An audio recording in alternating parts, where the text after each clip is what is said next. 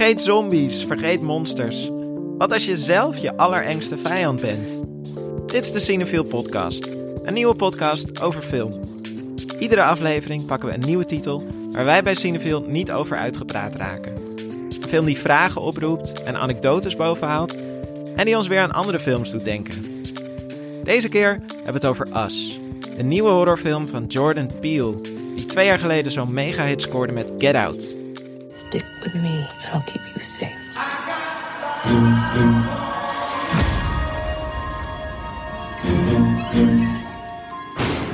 Lupita Nyong'o speelt Adelaide, een jonge moeder die met haar gezin op vakantie gaat naar het huisje waar ze als kind al kwam. Gezellig? Nou, nee. Als haar zoontje op het strand even kwijt is, schiet ze meteen in paniek, want daar, bij de oude kermis, staat het spiegelhuis. En daar heeft ze als kind het vreemdste ooit meegemaakt. Ze stond opeens tegenover een meisje dat exact op haar leek. Sinds dat moment leeft Adelaide in angst voor haar dubbelganger. Ze voelt dat de confrontatie eraan komt.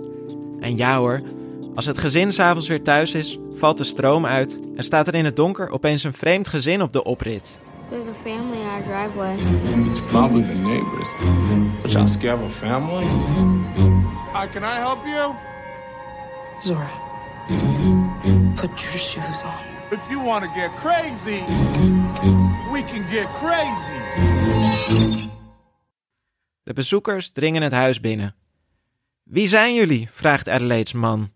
Haar zoontje heeft het al gezien. It's us. Wij zijn het.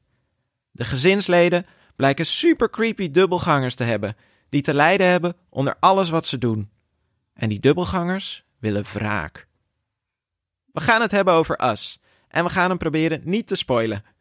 Hoe werkt dat? Een horrorfilm waarin de helden hun eigen monsters zijn. En op welke manier houdt de film ons een spiegel voor? Mijn naam is Erik Schumacher. Ik ben redacteur van Cinefiel. En ik zit hier met mijn collega's Lauren Murphy en Maan Milker. Lauren, je werkt bij Cinefiel, maar je bent ook programmeur bij Imagine.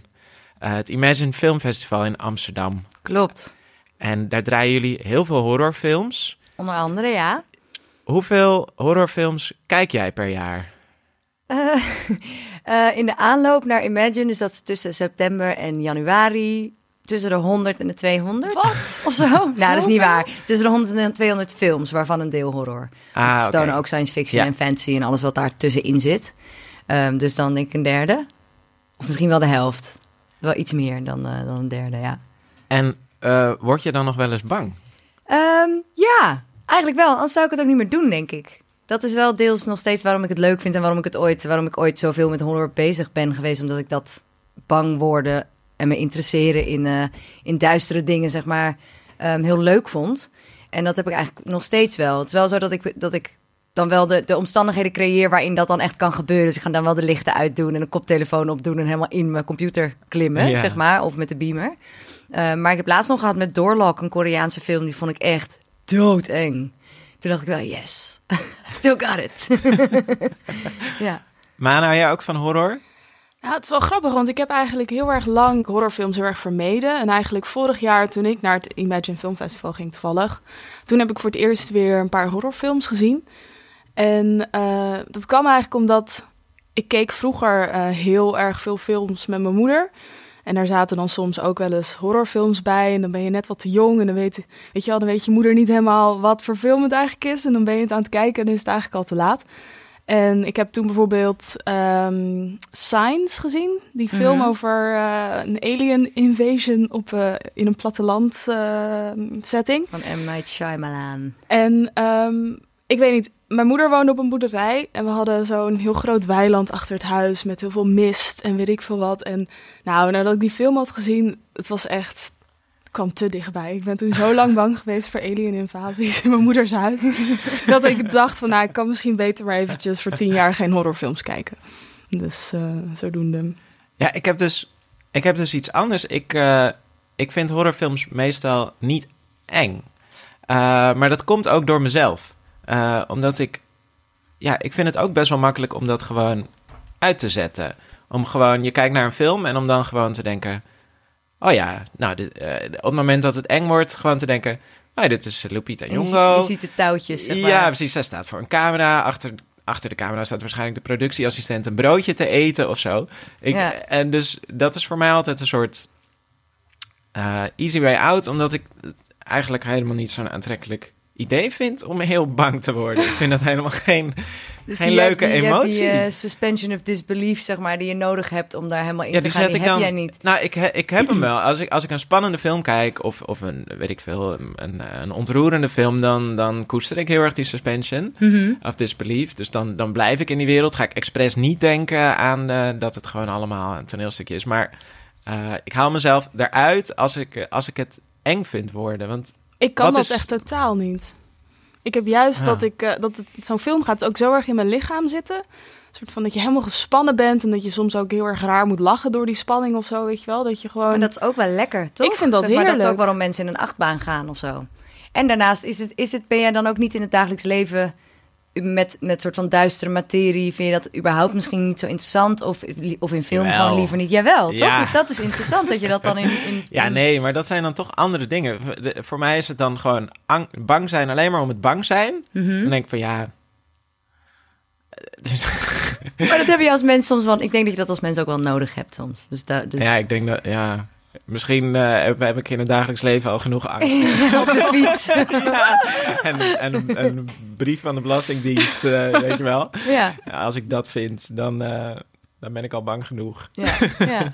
Kan ik me ook voorstellen hoor. Ehm, maar ik heb, eh, ik heb bij As heb ik geprobeerd om eh, mijn suspension of disbelief aan te laten. Om Mhm. hem volledig te ondergaan. En eh, ik heb best wel zitten griezelen. Eh, ja, Jordan Peele, de regisseur, die is nu eigenlijk eh, met Get Out en met Us... Ja, denk ik in één klap misschien wel de belangrijkste horrorregisseur van het moment. Ja, ja dat kan Eh, zeggen, ja. Waar komt hij vandaan? Want hij is eigenlijk als komiek begonnen, toch? Ja, hij is, ehm, nou, hij is geboren in New York. Hij is, een, eh, hij is half Afro-Amerikaans. En zijn, volgens mij was zijn moeder was, was wit en zijn vader was zwart. En hij heeft eh, eerst een tijdje ook zelfs nog in Amsterdam gewoond... en stand-up gedaan bij Boom Chicago en zo. Dus hij is net vanuit de comedywereld gekomen. Toen een tijdje bij Mad TV gezeten... en toen samen met een, ehm, een mede-comedian van hem... ehm Keenan Michael Key, is hij Key and Peele gaan doen. Dus dat is een, een sketch Ja, ik dat heel leuk. Ja, echt heel grappig. Ehm, dus dat heeft hij nou vijf jaar of zo gedaan. En toen op een gegeven moment, en ook wel wat acteerrollen erbij. Op een gegeven moment mocht hij eh, een film gaan maken. Dat was Get Out. Die kwam in 2017 uit. En dat, die heeft, eh, nou, wat is het, 250 miljoen of zo omgezet Ja, op een ja. budget van 4,5. Ja. Het is echt helemaal through the roof gegaan. Ehm, film over een, eh, een eh, zwarte jongen die met zijn, zijn soort van bourgeois wit vriendinnetje naar zijn schoonfamilie gaat. Nou, ik zal niks spoilen voor wie hem al heeft gezien, maar ehm, dat gaat eh, niet helemaal goed. Ehm, en Jordan Peele die heeft daar een soort van nieuwe vorm in gevonden... waarin hij eh, zware thema's met horror en humor ook combineert. Eh, dus dat was een gigantische hit en heeft zelfs ook voor een, eh, allemaal Oscars genomineerd... voor beste film en beste regie en beste scenario... die hij uiteindelijk ook heeft gewonnen. nou ja, en daarna mocht hij, mocht hij maken wat hij wilde. Dus nu heeft hij As gemaakt. En hoe, hoe kan je As vergelijken met Get Out? Is het een beetje eenzelfde soort film? Nou, ik denk dat ehm, het is allebei sowieso een hele maatschappijkritische, zijn het allebei hele maatschappijkritische films. En ehm, allebei reflecteren ze ook op wat het bijvoorbeeld betekent om eh, Afro-Amerikaan te zijn binnen het Amerika van nu. En, eh, maar ik heb toch het idee dat Get Out, dat was zo'n specifieke kritiek. En ook op zo'n specifieke groep mensen, wat niet op iedereen van toepassing is, zeg maar. Ehm, en bij Us had ik echt meer het gevoel dat het ja, gewoon voor iedereen eigenlijk eh, Mhm. oppassen geblazen zeg maar. Dat, ja, het is gewoon een kritiek op iedereen en alles waar we nu mee bezig zijn. En ehm, ja, je hoort het ook al, eh, ja, zeg maar in de naam Us, eh, maar ook United States. Ehm, het, het is ook gebaseerd eigenlijk op wat er rondom de verkiezingen van Trump is gebeurd. Een soort van dat mensen aan de ene kant ehm, Trump als een monster zien. Eh, maar aan de andere kant hebben mensen ook voor hem gekozen. En is hij ook juist heel erg een product van de Amerikaanse samenleving van nu. Dus voelt het ergens ook hypocriet om hem dan als een soort van boeman aan te wijzen. Terwijl het natuurlijk veel groter is dan dat. Ja. Dus ik denk dat die film dat probleem best wel adresseert. Hoe we eigenlijk niet onszelf als de vijand willen zien of als het horrormonster, Ja. maar dat we dat misschien zelf ook wel zijn. Ja, ik, heb, ik vind het eigenlijk... Het is heel logisch om die films met elkaar te gaan vergelijken natuurlijk. Omdat The Get Out zo'n hit was en As ook zoveel buzz omheen zat al bij de trailer... die ongeveer het engste is wat je dit jaar kon zien. Bijna enger dan een film nog. ik vond de film overigens ook heel spannend hoor. Ehm, maar eigenlijk zijn het voor me... Ik vond het best wel verschillende films ook. Bedoel, Jordan Peele heeft duidelijk al wel een soort stempel van een mix. En dat vind ik dat hij dat heel knap doet. Van bedenken, ik wil een verhaal vertellen. Horror werkt. Weet je, mensen willen er naartoe. Het, het, je kan er geld mee verdienen. Hij is niet bang om commercie ook te schuwen of zo daarin. Hij is niet een enorme arthouse regisseur. Ehm, maar As is, As is wel veel meer een horror, echt een pure horrorfilm ook dan Get Out dat was, vind ik. Get Ja. Out was, Ja. noemde hij zelf een social thriller. Ehm, Ik vond Get Out in die zin ook niet heel eng. Ik had Nee. niet echt hele erge jumpscares, zoals ik dat bij As wel had. ja. En eh, ook gewoon alles, zeg maar, van de muziek tot aan gewoon überhaupt de spanningsopbouw. ja. Een soort van bij As heeft alles een veel korter lontje, zeg maar. Of is het steeds meer per scène dat iets spannend is of niet? Mhm. En bij eh, Get Out draait het meer om de algemene spanningsopbouw, zeg maar. Ja, je, krijgt in, je krijgt in As ook al veel sneller gewoon de, de, de confrontatie met het kwaad. Hè? Dus Mhm. eigenlijk, Ja. ik denk dat de film misschien een half uur op weg is of nog minder als ze al eh, eh, in, hun, in hun woonkamer tegenover hun eh, super creepy dubbelgangers staan. Ja. Ja, het gaat best wel snel inderdaad. Dus, en hij probeert ook wel veel meer in us te stoppen. Wat jij net ook al zei, Maan, van het soort Get Out gaat duidelijk over racisme... en dan ook nog een specifiek soort racisme. Ehm, en us, daar zitten, zitten heel veel thema's in. Dan kunnen we niet gaan spoilen, maar... Het is, en, en hij refereert ook veel meer aan een soort horrorkanon, denk ik, dan hij met Get Out deed. Ik zag trouwens wel een soort leuke... Er zit wel een kleine grappige verwijzing naar Get Out in Us. Want op een gegeven moment zegt wel de, de vader van het gezin zegt zo... Als die eh, belagers eh, aankomen, zegt hij... No, no, no, no, no, no, no. Herinneren jullie die scène nog in Get Out? Nee, dat kan Met ik de me niet meer maid? herinneren. Oh ja, dat is zo'n scène dan... Oh ja, dan ja, tuurlijk. Zo, no, no, ja, ja, ja, no, ja, no, no. ja. Toen dacht ik, ah, zie je, hij is, hij is al zo meta dat hij naar zijn eigen eerste film Ja. verwijst. Ja. En En volgens mij mensen dat zeggen weten. Zeggen ze ook letterlijk een keer, get out. Ja, ja maar Get Out is echt, nou, dat was echt een geniale film. Wat, wat voor associaties hadden jullie bij die, bij die super creepy dubbelgangers? Wat voor, wat voor lagen zaten daarin? Want volgens mij is het best wel op meerdere manieren interpretabel. Ja, ik denk, ehm, ja, ik kreeg gewoon heel erg dat idee van het evil is in us. Dus er zit een, Mhm. een schaduwzijde aan iedereen. En die ontkennen is waarschijnlijk heel ongezond, want dan komt het gewoon je, je in je kont bijten op een gegeven moment, zeg maar, als je dat lang genoeg onderdrukt. En er niet naar wil kijken, niet in de spiegel wil kijken. Zeg maar, die, die, dat is de indruk die ik daar, die ik daar eerst uithaalde. Ja, en ergens is het ook wel iets wat je in meer films ziet. Ehm, dat je een dan wel tweeling, letterlijk, die dan in een totaal andere omgeving is opgegroeid en dan opeens eh, ja, een soort van wraakachtig iets komt nemen of zo. Of eh, hè, dat. dat A ehm, Tale of Two Sisters. Ja, Dat precies. Dat, ja. dat siblings, of hoe noem je dat, ehm, broers en zussen, dat die het tegen elkaar op gaan nemen. Of eh, ja, een spiegelbeeld wat opeens een totaal eigen leven gaat leiden. Dat soort dingen. Dus het was wat dat betreft niet een, eh, ja, een heel vernieuwend thema. Maar ik denk wel dat de manier waarop hij het heeft aangepakt, dat dat wel eh, ja, een hoop vragen oproept die heel erg van nu zijn. Mhm. Ook van hoe construeer je dan bijvoorbeeld zo'n ander, weet je wel? Waardoor Mhm. voel je het verschil tussen de ander en tussen jou? En ehm, wat voor ja, effect heeft dat op het kwaad wat die ander uitstraalt, zeg maar. Ja. Jij? Eh, ja, nou, ja, ik denk dat ik best wel moest denken aan. eh, eh, nou, je hebt bijvoorbeeld dan, dan die kinderen in dat gezin. Dat meisje is de hele tijd op haar telefoon bezig, weet je wel. Zonder erbij stil te staan. eh, ja, wat er misschien is eh, gebeurd om die telefoon te maken. Hoe die. Ja, we weten allemaal wel vagelijk dat. eh, dat, dat mensen die die telefoontjes maken, dat die het heel zwaar hebben. En daar, daar sta je eigenlijk nooit bij stil. Dus in die zin, ja, op die manier dacht ik aan mijn dubbelganger. Iemand die, in, die op een andere plek in de wereld op dezelfde dag is geboren als ik. En, en een heel ander leven had. En ik denk dat dat eh, een soort van dat dat snel heel soort van dweperig kan worden of zo, om zo te praten. Ik bedoel, ik denk dan meteen aan mijn moeder die vroeger altijd zei van... als ik mijn eten niet opat van wat de kindjes in Afrika daarvan zouden vinden of zo. Ehm, maar door die, door die spin die, er, die, er, die die daaraan geeft... door er zo'n horrorfilm over te maken en dat je erom kan lachen eh, ook... ehm, dat het niet dat, dat zeikerige krijgt, maar, maar nog steeds wel je aan het denken zet. Ja, en niet alsof je probeert iets, een soort van boodschap op een hele zware manier door je strot te duwen, maar dat ook een beetje door dat genre daarvoor te gebruiken ehm, bij jou neerlegt.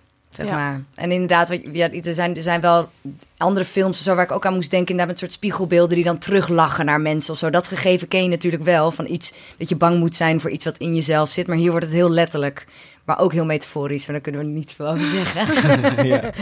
wat, wa- wat we wel kunnen zeggen is dat. eh, nou, die vier personages van het gezin, die hebben dus hun creepy dubbelgangers. En dat zijn ze gewoon zelf. Dat zijn dezelfde acteurs. Ja. Eh, dus die moesten eigenlijk allemaal twee rollen spelen. Gewoon, ja, eh, een, een normaal burgerlijk gezin. En dan een soort, ja, Moordlustige, moordlustige creepy. creeps in, in rode, rode pakken, pakken, en ja. met scharen. En een enge glimlach. Ja. En ik denk... ehm Wat wie de film- heerlijk moet dat voor hun zijn geweest, ja, toch? ja, ja, Ja, maar ook zwaar, denk Ja. ik. Het is best wel een opgave, denk ik, als Zou je dan ook dubbel betaald krijgen als je twee rollen Zo is Eddie Murphy zo rijk geworden. natuurlijk. Ja, en ik kreeg Nee, zeven nee, dat, keer. dat speel ik ook wel, zeven ja. keer zijn salaris. Maar eh, wie, wie, ja, wie de film heel erg draagt voor mij is Lupita Nyong'o. Een geweldige Zeker. rol van haar. Eh, we kennen haar eigenlijk vooral uit 12 Years a Slave. Eh, dat was volgens mij haar eerste speelfilm eigenlijk. Eh, Ja, was dat haar Ja, volgens mij is dat haar echt haar, haar speelfilmdebuut geweest. Waar ze meteen een Oscar voor won. Ja. Sindsdien, en dat is denk ik vier jaar geleden. Sindsdien hebben we haar niet heel veel in de bioscoop gezien. Ehm, Black Panther voornamelijk. Speelde in Star Wars. ja, doet Nou, ze een stem van toch een best gek wel poppetje. weer eh, wat namen hoor. Die- Ja, maar wel best Ja. wel wat later. Want iedereen Ja, had maar niet verwacht dat veel. zij Ik bedoel-. Ja, ja, Ja, dat dacht ik. Toen zij die Oscar won, dacht ik, nou, de komende tien jaar is van Lupita Nyong'o. Want Ja. zij is supergoed. Ze is heel cool. Ze is natuurlijk heel knap. Ik bedoel, wat, wat wil je nog meer van een, van een Hollywoodster? ja. Ehm, Maar ik denk dat zij wel ook heel erg bewust haar rollen uitkiest. Ja. En wat ik denk, wat ook op de loer ligt, soort- ja, als je kijkt naar het Hollywood-milieu, dan is er voor een, eh, voor een zwarte vrouw zijn er gewoon niet alle rollen beschikbaar in die Mhm. zin, helaas. Eh, dus ik kan me ook voorstellen dat zij bijvoorbeeld op die gronden best wel wat films ook heeft afgewezen, juist om niet in zo'n Ja. soort van stereotype traditie te komen staan. Ja. En meer films die dus echt wat ja, meer maatschappelijk ook eh geëngageerd zijn, dus zoals ook Black Panther. ja, Dat ze daar dan toch goed. voor kiest. Ja. En wat, wat legt zij in, in deze dubbelrol? Hoe, eh, hoe, ja, als je kijkt naar die creepy dubbelganger, hoe heeft ze die vormgegeven?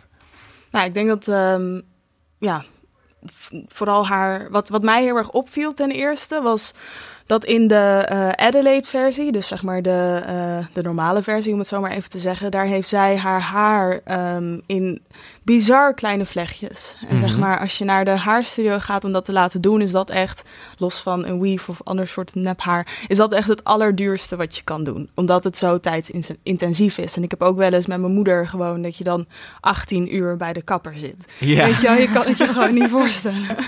En eh, dus dat is heel erg een, ja, ook een statussymbool om eh, toch met je eigen haar ehm, iets eh, neer te zetten wat binnen de Amerikaanse maatschappij wordt geaccepteerd. Want het is heel erg droevig dat als jij op sollicitatie gaat en je hebt jouw haar... ehm, ik bedoel, weet je, jullie hebben stelhaar, of nou, krullend haar. Je kan gewoon eh, uit je bed stappen, even een borstel erheen halen... en je ziet er representatief uit. maar hier zit veel werk aan.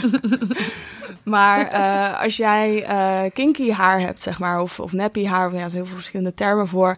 ehm, dus heel, hele kleine krulletjes, dan eh, zit daar ontzettend veel tijd in om dat ehm, te onderhouden op een manier die acceptabel is binnen een westerse Mhm. maatschappij. Want het wordt snel neergezet als dat het er viezig uitziet of eh, slordig. Of, want ik bedoel ook de, de afro's die wij kennen uit disco-tijdperk of wat dan ook. Daar zit ontzettend Superveel veel tijd. werk in, want dat moet je helemaal uitkammen en weet ik veel wat. En zij heeft in deze film, en dat heb ik echt nog nooit gezien in een Hollywood film, heeft zij haar haar eh, onbewerkt. Als, zeg maar, als, red. Ja, als red, als haar schaduwversie. Ja. Ja. En ehm, ja, dat, dat vind ik heel erg ehm, dat, ja, dat vond ik heel vernieuwend om dat te zien. Want dan denk ik van, ja, zij staat onder andere bekend om haar schoonheid. En zeker als uh, Afro-Amerikaans, nou, ze is dan niet Amerikaans, maar ehm, als... Keniaans. Ja, Keniaans, zeg maar, als zwarte vrouw. ehm, ja, moet je vaak, weet je, word je of om je schoonheid geprezen, of je moet een soort van Monique-achtig in Precious, weet je wel, dat het heel erg om alle dingen gaat, maar eh, dat zij er dan toch voor kiest om zich dus eigenlijk zo kwetsbaar neer te zetten. Ja. Want ehm, ook binnen eh zwarte gemeenschappen, zeg maar, is dat iets wat gewoon heel erg taboe is om je haar zo te dragen.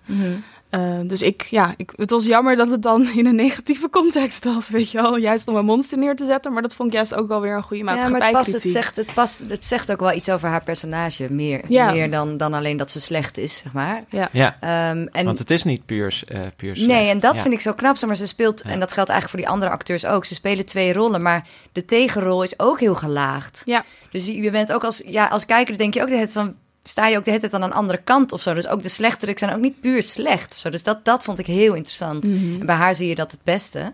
Maar zij heeft wel een totale transformatie eh, ondergaan. De Ja, manier, de waarop ze praten ook. Oh ja, god. dat is zo eng. Dat zullen mensen in de trailer ook wel hebben gezien. Als je hem hebt gezien. Maar dat is- ze, ja, ze praten een soort van... Alsof ze echt iedere, iedere adem, een- elke noot zeg maar, uit haar keel moet persen.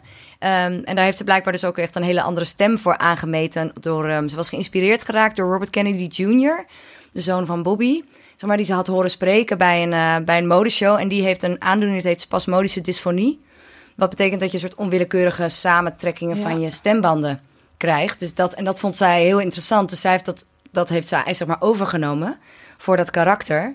Maar dat is, eh, nou, het is- mensen, mensen denken ook dat dat met trauma te maken kan hebben, dat je zo kan gaan praten. Maar dat, dat werkt super goed en het is echt best wel eng. Ja, we hebben een stukje van eh, Robert Kennedy, hè? the court overturned it because it was a credible witness. There's actually five eyewitnesses that put him 11 miles away. Ja, Je kan het je haast niet voorstellen dat, zeg maar, toen ik haar hoorde in de film, dacht ik echt van, nou, die... overdreven. Ja, wat overdreven. Maar nu ik deze achtergrondinformatie inderdaad heb gehoord, dan krijgt het ook weer een andere lading. Omdat, eh, ja, wordt het weer veel gelaagder. Ja, en hier had ze dan ook extra voor betaald moeten krijgen. En dat haar. Ik denk, ik denk echt van, dat was uren, uren bij de kapper elke dag. En die stem. Nee, ik weet ook, eh, ik weet, dat weet ik eerlijk gezegd niet hoe ze het hebben opgenomen. Want ze zijn echt de hele tijd ook samen in scène, zeg maar.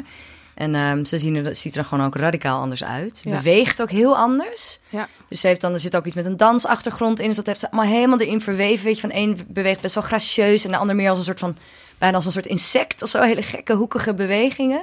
Dus dat vond ik echt, echt een genot om naar te kijken. Ik wil het even met jullie hebben over evil stemmen in het algemeen.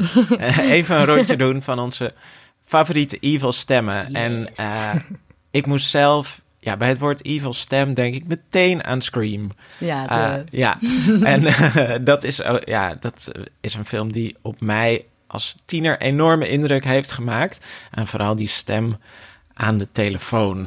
Maar maar kan je misschien even de film een beetje kort, want ik heb hem niet gezien. Oh, eh, ja, Scream eh, is in 1994 uitgekomen, 95, zoiets. Ehm, Toen ja. ik werd geboren. Ja, toen jij werd geboren. Eh, het, is een, het is een film van Wes Craven. Dus dat was een bekende horrorregisseur. Eigenlijk uit de jaren tachtig. Een beetje uit een soort eh, tijd dat horrorfilms heel populair waren. En Ja. die waren weer weggezakt. En op een gegeven moment kwam hij met Scream. Wat een soort... Ook heel erg een metafilm was. Die dan weer reflecteerde op horrorclichés. En tegelijkertijd zelf heel spannend Oh ja. was. heel erg op eh, slashers eh geïnspireerd. ja, en, de, en de, op de posters van Scream 1 stond overal het gezicht van Drew Barrymore. En dat was eigenlijk de bekende naam. Ja. En dan in de openingsscène... ja, gaat het meteen al mis voor Drew Barrymore. Dus Eh, toen dacht ze je krijgt, al van, Ja, ze, wow, wordt, ze wordt gebeld. Eh, Niet en ze- alles weggeven. Nee. En ze krijgt eh, deze man aan de lijn. Listen, asshole! No, you listen, you little bitch. You hang up on me again, I'll gut you like a fish, understand? Some kind of joke? More of a game, really. Ah, en die stem, ja, ik vond die stem dus... eh, Ik heb die stem zelf ook natuurlijk heel vaak nagedaan. Of als ik mijn zus ging bellen. Hallo. Ja. Hij doet dat zo goed, die man. En, en die, die acteur, die stemacteur, die heet Roger Jackson. En uh, Wes Craven heeft hem ook niet op de set toegelaten. Oh ja. Dus Drew Barrymore die kreeg gewoon iemand aan de telefoon die ze nog nooit had gezien. Uh, om het des te eng. enger maken. Want als je Roger Jackson in het echt ook ziet, dan zie je een heel, heel leuk open gezicht van een heel lieve man. Maar hij kan die stem gewoon heel goed. En dat, uh, dat maakt die film meteen een stuk enger. Want ja, als je dan bijvoorbeeld hoort hoe dat in het Duits wordt nagesynchroniseerd, dan blijft er weinig over van die spanning. Hallo? Hallo? Wer ist da? Sag mir deinen Namen und ich sag dir meinen. Lassen wir das lieber, ja? Het is zo'n soort van meteen een soort van soft porn of zo. Show me yours, I'll show you mine. Uh, Lauren, wat is, wat is jouw favoriete evil stem? Ja, um, ik, moest, ik moet, moest meteen heel erg aan heksen denken. Zeg maar de vrouw, vrouwen in horrorfilms klinken heel vaak een beetje zoals de heks in uh, Sneeuwwitje of zo. Weet je, van ah, gewoon dat soort geluiden. Mm-hmm. En, uh, en de, voor mij de allerengste in dat rijtje is de opperheks in The Witches. Naar het boek van Roald Dahl, film uit 1990, van, uh, van Nicholas Rogue. Best wel een hele goede, gerenommeerde regisseur... die zich toen aan een, een kinderboek, weliswaar wel echt voor volwassenen ook... heeft gewaagd. En er is een scène waarin Angelica Houston speelt de opperheks... en zij is, zij is Duits dat is op zich wel interessant, omdat heel veel villains in, um, vooral in kinderfilms, de villains vaak in of Oost-Europese accenten praten of in Duitse accenten. Dat komt volgens mij nog helemaal vanuit de Cold War Mhm. periode van de ander waar je dan heel erg bang voor Het is bent. echt opvallend dat het echt altijd Ja. zo is. Like these of wie, of ze praten Ja. altijd zo hello. Maar er zit ook nog, er zit ook nog een, heel soort uh, hiërarchie in die, uh, in die accenten, Ja, toch? ja. Als je daar naar kijkt. Ja, want je hebt dan zeg maar de, de, de echte evil geniuses zijn vaak Engelsen. Ze hebben daar net ook een onderzoek keurig naar gedaan. Brits- Brits ja, accent. keurig Brits. Omdat dat dan een soort van, ook voor een soort van genius en slimmigheid, intelligentie staat of zo.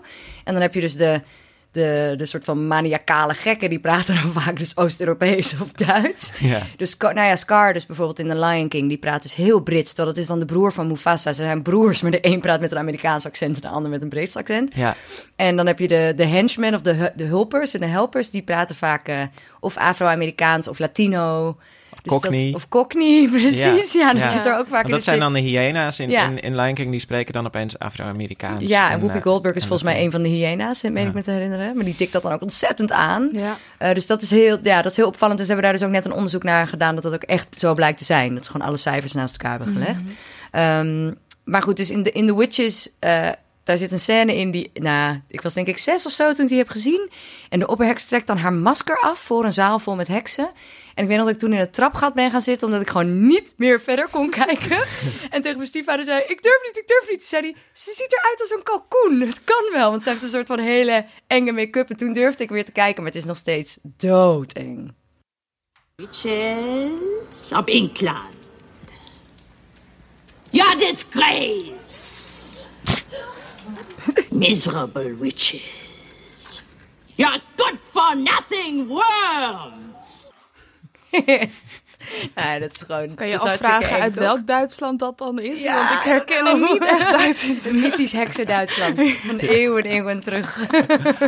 Maan, wat is jouw favoriete evil stem? Nou, het is niet per se mijn favoriete evil stem, maar wel eentje eh, van een van mijn favoriete series van de afgelopen Mhm. tijd, namelijk eh, Killing, uit Killing Eve. En eh, nou ja, dat is een serie met eh, Sandra Oh in de hoofdrol. En eh, dat is 2008 uitgekomen. En zij is daar een soort van rechercheur die achter een eh, moordlustige eh, huurmoordenaar... Ja, als huurmoordenaar ben je sowieso moordlustig, maar daarachter aan zit. En eh, nou, daar ontstaan allemaal hele gekke spanningen en dingen. En die, die huurmoordenaar is, hoe kan het ook anders na het verhaal van Lauren, heeft een Oost-Europees accent. En ehm, niet alleen zij, maar ook haar opdrachtgever, zeg maar. Dus echt iedereen in haar omgeving heeft dat. En zonder dat dat per se logisch is. Ja. En eh, dat vond ik wel grappig, dat in een serie die als zo woke wordt bestempeld... doordat Sandra Oh dan eigenlijk een van de eerste eh, Aziatische vrouwen is... die ergens een hoofdrol in heeft in een westerse serie... Ehm, ja, dat dan dit raden er opeens in zit, zeg maar. Ja, nee, Dus, dus de eh, volgende. Ik denk dat heel veel mensen zich daar misschien nog niet helemaal van bewu- bewust zijn. Nee. Of zo, dat dat, dat, dat zo'n eh, zo'n trope is. Ja, maar het, ja, het, is, het is ook niet per se, vind ik, een heel erg goed uitgevoerd accent, zeg maar. Ja, we kunnen even naar een gesprekje tussen, eh, tussen die eh huurmoordenares en haar eh, baas luisteren. Hey! I got you. Yes. A bit, admit it, a tiny bit. A tiny bit, yes. Were you scared? No. Did you think I was dead? No. Would you be sad? Of course. Oh, you're puss. I got you. Wel- welk welk Oost-Europees land zou dit moeten zijn dan? Nou ja, in, in de serie zelf eh, ligt er geloof ik een link met Rusland. Ja. Maar ehm dat weet ik niet precies meer, moet ik zeggen. Maar dat is ook het ding aan slechterikken, toch? Dat is vaak een soort van onbeduidend accent, zolang het maar vreemd is. Ja. Zolang het maar anders is dan zeg maar de, de, de rest van de karakters in de film. Je hebt toch in Austin Powers in Goldfinger zit dan zogenaamd ook een Nederlander. Maar die praat gewoon met een soort van half Duits, Frans. Het heel gek mengen. Ze krijgen sowieso Ja, Nederlandse accenten nooit Nederlands. goed. Ma- het maakt ook uit, niemand weet hoe dat klinkt. Nee. Jij had het net over dat, eh, over dat onderzoek naar accenten en dat ging dan over kinderfilms. Als je zo'n onderzoek zou doen naar horrorfilms, naar de, naar de accenten van bad guys, is dat dan... Zou je Ja. daar vergelijkbare resultaten in krijgen? denk, nou, de- ja, het het hangt er vanaf wat voor horrorfilms je, je bekijkt. Want bijvoorbeeld Mhm. slashers of zo, daar zijn ze meestal stil. Oh ja. Er zijn weinig... En zeg maar, hijgend. ja, de enige echte villains waar ik zeg maar in volwassenenfilms dan aan moet denken zijn Bondfilms of zo, weet je wel? Films waar, mensen, waar, waar de villains veel praten. Normaal Ja. gesproken zijn villains enger als ze niet zoveel praten, behalve Ja. in kinderfilms. Dus dat weet ik eigenlijk niet zo goed of dat überhaupt heel veel gebeurt. Ehm, Maar in, in, eh, in As wordt daar wel op ingespeeld. Omdat op een gegeven moment heb je ehm, zeg maar de vader van het gezin. Ehm, die gaat dan het gezin beschermen op het moment dat er een rare familie eh, op de driveway staat, zeg maar. En dan is hij, weet je, dan gaat hij eerst naar buiten. En nou, het is al een hele imponerende vent. En dan zegt hij zo van, hé, hey, wat doen jullie daar? Ga weg. En eh, als hij dan geen reactie krijgt van het creepy gezin eh, op de oprijlaan... dan begint hij opeens met een soort van heel erg stereotype afro-ghetto-accent... Van, eh, weet je wel, begint hij zo... Wanna get crazy? Ja. Ja, ja. maar en dan verandert ook zijn hele postuur in ene. En eh, ja, dus in die zin, dat vond ik wel interessant. Dat, dat, eh, hè, dat- dat je dat vaak wel ziet. Ook bijvoorbeeld in, in Nederland, weet je wel. Op het moment als ik op de fiets zit en ik krijg even ruzie in het verkeer... dan komt er bij mij opeens uit het niets een super Amsterdam Ja, bij mij ook, inderdaad. Ja, bij mij ook. Zeker weten. Ja. En andersom, als ik bij een gemeenteloket sta en het niet naar mijn zin gaat en ik het idee Ja. heb dat ik beter geholpen moet worden, dan ga ik opeens iets meer bekakt praten of zo, weet je wel. Dus je zet dat accent vaak ook heel erg in, Ja. zelf al. Ja. En in films- meer bij de slachtoffers dan misschien of zo. Het is een soort, weet je, als je gaat verdedigen. Maar ik zit wel bij de killers, kan je wel, kan je wel soms hebben dat bijvoorbeeld doktoren en zo. Die hebben dan vaak wel een, of een Duits of een, een bepaald Ja. soort accent. Want in, want in As eh, gaat het dus om eh, dat we ja, zelf de monsters zijn. Maar hoe zit dat in de meeste horrorfilms? Eh, is, dat, is dat iets nieuws? Want ik kan me voorstellen dat, dat of ja, ik, ik weet zelf uit de horrorfilms die ik heb gezien, dat, dat de bad guys, dat dat vaak wel ook de ander is. En dat daar soms ook elementen in zitten van, eh, of dat dat wordt geïnterpreteerd als soort van een vertegenwoordiging van de niet-witte mens. Mhm. Ja, er zit behoorlijk veel xenofobie eh, in vaak. Ik denk inderdaad dat dat wel de, de heersende trend was heel lang. Dat hetgene waar je bang voor moest zijn, vooral in home invasion movies zoals Straw Dogs of zo, of zoiets als Deliverance. Eh, waar mensen naar het platteland gaan en dan met hillbillies te maken krijgen die heel anders zijn dan zij. Die hebben dan inderdaad wel vaak hele sterke accenten. Mhm. Ehm, dus dat op zich is dat, dat normaal gesproken is de ander juist hetgene wat het gevaar is en waar je voor moet waken.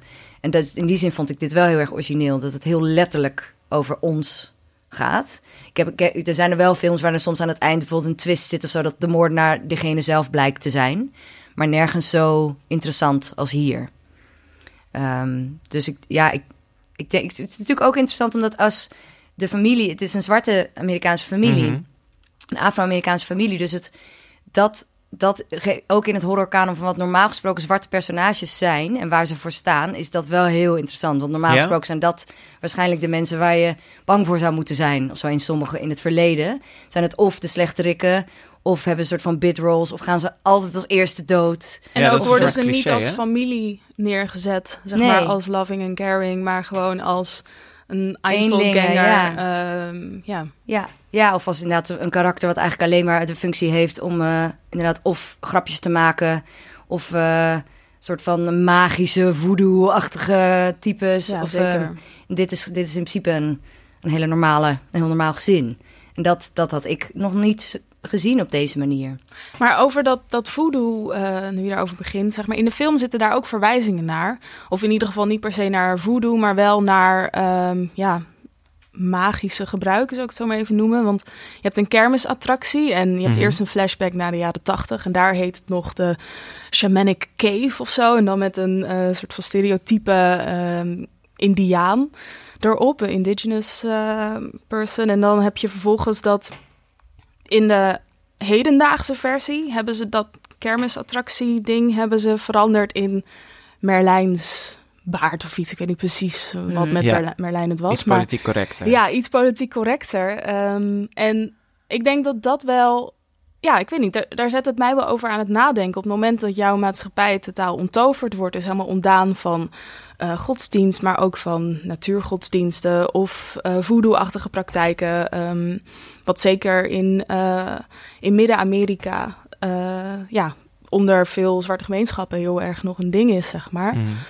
op het moment dat je daarvan ontdoet, dan heb je misschien ook minder het idee dat alles wat jij nu doet, of het monster wat je nu uithangt, dat dat consequenties heeft op de lange termijn. Dan denk je gewoon alleen maar aan, nou, dit leven. Ja, ja. Weet je wel? Of gewoon van echt heel erg van moment op moment. Terwijl eh, ik met mijn Congolese achtergrond, ik ben wel met best wel veel openheid naar eh, ja, dat soort magische dingen of bepaalde vervloekingen of verwensingen. Weet je, dat ik gewoon bepaalde dingen echt niet uitspreek of heel erg oppas om dat te doen. Eh, omdat ik gewoon het idee heb dat dat dan een soort van hele grote consequenties kan Mhm. hebben. Dus dat vond ik wel tekenend voor de maatschappij van nu. En ook dat eh Piel ons ook uitnodigt om daarover na te denken. Dus eigenlijk doordat we dat, eh, doordat we eigenlijk heel seculier eh, zijn gaan denken, eh, houden we ook minder rekening eh, met de gevolgen van ons gedrag, denk ja. je? Ja, en is het ook dus nog makkelijker om de ander als eh, ja, op zichzelf staande kwade geest aan te wijzen. Omdat Ja. je dan gewoon... ehm, hè, je, ziet, je ziet geen enkele verantwoordelijkheid bij jezelf. Ja. Alles komt altijd door iemand anders. En eh, terwijl je dan misschien minder goed snapt hoe jij zelf misschien even goed daartoe in Mhm. staat zou zijn. En op dat niveau vond ik het wel, vond ik het wel echt uniek. Want er zijn, er zijn natuurlijk wel voorbeelden van, van dat niet alleen de, de minority vreemdeling zeg maar de vijand is in horror. Ik bedoel, in Night of the Living Dead of zo bijvoorbeeld is de, de, de, de held is een, een Afro-Amerikaanse acteur. Mhm. Het is een film uit 1968, weet je, de rellen waren bezig. Het was best wel een politieke, de hele politieke tijd. En die zombies zijn duidelijk een soort van witte mob of zo, die gewoon... Dus, dat, dus daar, daar draaide het wel om. Maar alsnog had je dan, dan wel een soort tegenstelling. Er was een, een iets waar, waar het, weet je, het ging niet over onszelf in zijn algemeniteit. Het waren alsnog Ja. twee groepen die tegen elkaar worden Ja. opgezet of zo. En dat zit hier, dat vond ik hier echt heel boeiend wel. Als idee van het komt echt vanuit, alleen maar vanuit jouzelf. Of Ja. wij als maatschappij in de breedste zin. Er zitten, ja, er zitten heel veel ideeën achter die film. Ehm, z- ja, er is de laatste tijd een soort eh, trend gaande. Hè? Of daar wordt over gesproken. Dat heet dan de elevated horror. Waar, waar dat dan aan, eh, aan wordt gekoppeld.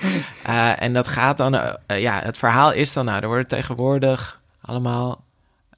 betere horrorfilms gemaakt. En we zien, we zien ze ook veel meer in eh cinefiel nu. Horror was altijd een beetje een vies woord. Maar de laatste jaren ja, zien, we, zien we steeds meer horrorfilms. We hebben natuurlijk Get Out gezien, eh, It Follows, A Quiet Place. Mhm. Maar ook eh, andere films. Hereditary. Ja, Hereditary, maar ook films als Mother bijvoorbeeld. Ja, of ja. Under the Skin. Of. Killing of a Sacred Deer. Die, die je daar ook zeker, in zou ja. kunnen onderbrengen. Mhm. Ehm, wat is daar gaande? Want jij begint wel meteen eh, blech te roepen bij, Ja. bij de term elevated horror. Ja, dus gewoon heel, vorig jaar was daar gewoon heel veel over te doen. Dat is toen op een gegeven moment op internet heeft iemand die term gecoind. En het, het, het, het zou dus natuurlijk... Het insinueert dat alles wat niet elevated horror is... laag is. Of elevated zou moeten worden om goed te zijn. Mhm. En daar worden natuurlijk horrorfans worden daar een beetje pissig van. Want er, er- ten eerste wordt er al heel lang ook heel veel hele goede horror gemaakt. En is er natuurlijk wel een tijd geweest, vooral in de soort eind jaren 80, maar ook daarvoor al en in de jaren 90, waarin er gewoon heel veel straight to video en lekker goedkoop en gewoon best wel veel troep werd gemaakt. Maar Want dat geldt voor van- andere genres ook. Het En- idee van Elevated, is dat nou dat het dan maatschappij kritischer is of iets? Of Ja, nou dat er, een, dat, er een, dat er een idee achter zit. Dat het niet pure Niet platte alleen maar entertainment bloed is. en, ja, eh, niet alleen maar achtbaangevoel, maar ook iets om over... Of Ja, Ja, ja, ja, nou en ja. dat is, kijk, dat is natuurlijk wel, volgens mij is wel wat er nu gaande is, is wel een reactie op die hele torture porn wave Ja, die was toen met Saw is ja, beginnen. wanneer is, dat, wanneer is dat? Een beetje eind jaren 90 Ja, begonnen de, of zo? eind jaren 90, begin, begin 2000. Ja, je wordt wakker en je bent geketend aan een radiator en, En er ligt een zaag in de kamer. Ja, en hoe en- ga je ontsnappen? en hoe gaan we dat zo plastisch, vies Ja. mogelijk in beeld brengen? Nou, gore heeft, de gore-traditie bestaat ook al heel lang, maar dit ging inderdaad wel een beetje te ver een hele tijd. Ik moet zeggen, de eerste Saw vond ik echt doodeng en heel goed. Alles daarna niet. Ehm, en dat, ja, op een gegeven moment werd je daar inderdaad een beetje door lam geslagen. Dat was ook helemaal niet meer eng. Dus ik snap het als tegenreactie wel dat mensen eh, weer horrorfilms zijn gaan maken die, die de vinger aan de pols van de maatschappij leggen. Wat natuurlijk horror heel goed kan, want het Ja. bespreekt taboes. Het is een ruimte waarin je kan experimenteren met dingen waar je normaal gesproken niet over durft of mag praten. En dat zit Dus ook daarom- heel erg in de horror-traditie. Ja. Ehm, toch? Ik bedoel, het is niet iets nieuws van de elevated horror dat er opeens maatschappijkritiek in Nee, zit. als je kijkt naar de jaren 70 en naar films als The Shining of Rosemary's Baby, maar ook, er is nu net een hele interessante documentaire uitgekomen, die heet Horror, horror Noir. Dat gaat dus Mhm. over black horror. Ja. En dan zie je ook dat ook daar, ook in de black exploitation, die, die natuurlijk best wel problematisch ook was, omdat het juist alleen maar Afro-Amerikaanse acteurs wegzet als of pims of hoes of zo. Dus dat, dat was ook niet per se een, alleen maar een goede reactie. Maar, maar je ziet wel, het wordt wel heel erg in een kader geplaatst in die documentaire. Dan zie je dat er eigenlijk gewoon altijd in de horror dat ook iets zei over wat er in de maatschappij gaande was. Ja. Ehm, dus dat is helemaal niet iets nieuws. Of zo. En daar word ik dan inderdaad een beetje Ja, van, daar word je een beetje kriegelig We moeten van. weer een label opgeplakt worden, omdat Ja. mensen anders niet snappen waarom moet er überhaupt een label op. Een film is goed of niet, zeg maar. Dat, dat, eh, dat, en ik vind wel dat er de laatste jaren heel veel hele goede films wat dat betreft zijn uitgekomen. Vooral door A24, producent of een distributeur die daar heel veel mee bezig is. We sluiten altijd af met een rondje. Waar hebben we zin in de komende tijd? Wat wordt er tof? Ehm, Maan. Ja, ik heb eh, niet één film, maar juist ontzettend veel. En dat Nog is er meer juist, zin in te hebben. dat is er juist zo leuk aan. Want eh, in Lab 111 in Amsterdam, daar eh, draait nu... En de komende maanden draait daar het Female Frame programma. Is met heel veel zorg samengesteld. En dat zijn allemaal films gemaakt door eh, vrouwelijke regisseurs. En ook over eh vrouw zijn, zeg maar. Dus er zitten films tussen als ehm, Daisies, ehm Marie-Antoinette, maar ook Clueless. Ehm, en ook uit allemaal verschillende landen. En eh, ja, ik weet niet, ik vind het gewoon fijn dat met, met dat soort programma's waar je heel erg focust op eh, identiteitspolitiek, daar kan het ook snel een soort van, ja, net een beetje krom voelen of zo, weet je wel. Dat je denkt van, nou oké, eh, hier zetten we even wat vrouwen op een rijtje. en dan, beladen juist. Ja, en dan zijn we weer voor een jaar vanaf, zeg maar. Ja. Eh, Vind maar, je? Ja. maar ik heb wel het idee dat, eh, ja, dat dit, dit is zo'n uitgebreide lijst.